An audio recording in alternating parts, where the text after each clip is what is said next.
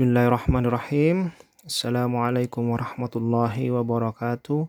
Alhamdulillah wassalatu wassalamu ala rasulillah wa ala alihi wa sahbihi ajma'in. Allahumma inni as'aluka ilman nafi'a wa rizqan thayyiba wa amalan mutaqabbala amma ba'd. Perkenalkan nama saya Ido Febriandi Kawiba, founder Ziyadah Consulting.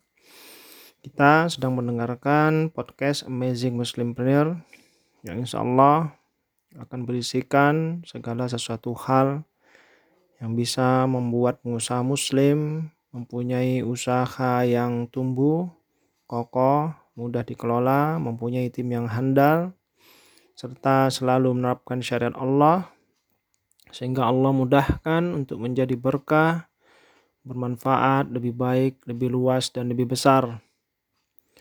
Kali ini di episode pembacaan buku Kode Etik Pengusaha Muslim karya Ustadz Aminur Bait Hafizahullah Ta'ala yang isinya bagaimana menjadi pengusaha ideal menurut standar syariat.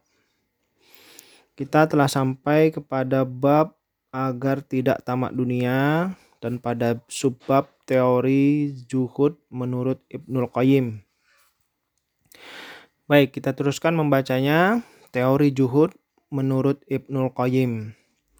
Siapa pun akan merasa bangga ketika dia disebut sebagai orang yang zuhud terhadap dunia. Sebagaimana kita merasa sedih ketika disebut rakus dunia. Tapi yang lebih penting bukan penilaian manusia. Yang lebih penting adalah penilaian Allah. Zuhud bukan masalah kaya atau miskin karena zuhud adalah amalan hati. Ya, ini perlu dicatat ya, eh, teman-teman sekalian, saudara muslim, eh, bahwa ya, zuhud bukan masalah kaya atau miskin, tetapi zuhud adalah amalan hati.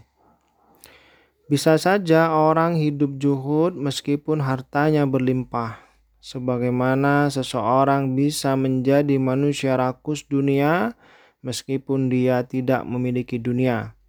Sulaiman adalah seorang nabi yang zuhud meskipun beliau raja dunia. Zulkarnain juga menjadi orang raja yang zuhud meskipun kekuasaannya mencakup seluruh daratan dunia. Prinsipnya adalah dunia hanya di tangan dan tidak di hati. Ibnu Qayyim mengatakan prinsipnya adalah memutus hubungan keterkaitan dengan batin. Selama orang bisa memutusnya, maka kondisi luar tidak akan membahayakannya. Ketika harta hanya ada di tanganmu dan tidak ada di hatimu, maka harta itu tidak akan membahayakanmu meskipun banyak.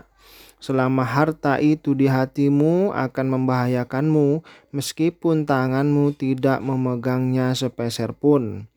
Kitab Madarijus Salikin halaman 465. Selanjutnya Ibnul Qayyim menyebutkan riwayat dari Imam Ahmad. Ada orang yang bertanya kepada Imam Ahmad, bisakah seseorang menjadi juhud sementara dia memiliki harta seribu dinar? Atau lebih kurang 2,9 miliar. Jawab Imam Ahmad, bisa dengan syarat dia tidak merasa bangga ketika hartanya bertambah dan tidak merasa sedih ketika hartanya berkurang. Karena itulah para sahabat menjadi manusia yang paling juhud di tengah umat ini meskipun mereka memiliki banyak harta karena dunia tidak ada dalam hatinya, sehingga keberadaan dan ketiadaan dunia tidak mempengaruhi kondisi batinnya.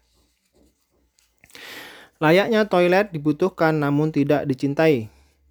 Untuk membangun suasana batin semacam itu, Syekhul Islam Ibnu Taimiyah menganalogikan hubungan mukmin dengan harta ibarat hubungan dia dengan toilet. Harta itu dibutuhkan sebagaimana toilet dan tidak dicintai sebagaimana layaknya toilet. Syekhul Islam mengatakan, kemudian selayaknya dia mengambil harta dengan jiwa yang tenang agar hartanya diberkahi dan jangan mengambilnya dengan rakus dan tamak namun harta baginya sebagaimana toilet, sesuatu yang dia butuhkan namun tidak mendapatkan posisi sedikit pun dalam hatinya. Kitab Az-Zuhud wal Wara' halaman 95. Subhanallah, teori yang mudah dipahami namun perlu banyak latihan untuk bisa mempraktekkannya.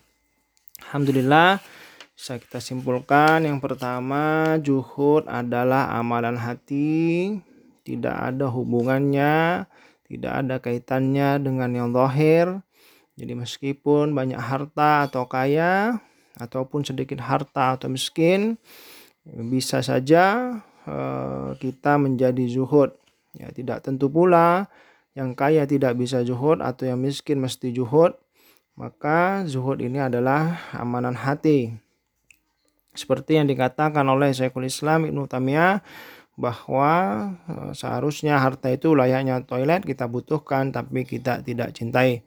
Buktinya bisa kita analogikan di dalam satu rumah toilet hanya ada beberapa saja ya, tidak seperti kamar sehingga tidak mungkin dalam satu rumah toilet itu uh, banyak ya. Nah, karena dibutuhkan kemudian membangun toilet yang banyak ya itu tidak mungkin sehingga uh, bisa dianalogikan itulah uh, sebabnya toilet dibutuhkan tetapi uh, tidak dicintai ya. selayaknya begitu pula kita memperlakukan harta kita seharusnya kita hanya membutuhkannya tetapi tidak mencintainya sehingga seperti apa yang dikatakan Imam Ahmad rahimahullah taala bahwa jika kita ber, harta kita bertambah kita tidak merasa bangga dan jika kita harta kita berkurang kita tidak merasa sedih. Baik.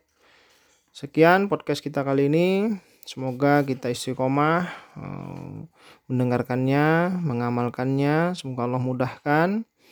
Ya, dan kita akan di episode selanjutnya kita akan meneruskan di bab kode etik pengusaha muslim. Insya Allah kita tutup podcast kali ini dengan doa kafatul majelis. Subhanakallahumma bihamdik. Asyadu an la ilaha illa anta astaghfiruka wa atubu Assalamualaikum warahmatullahi wabarakatuh.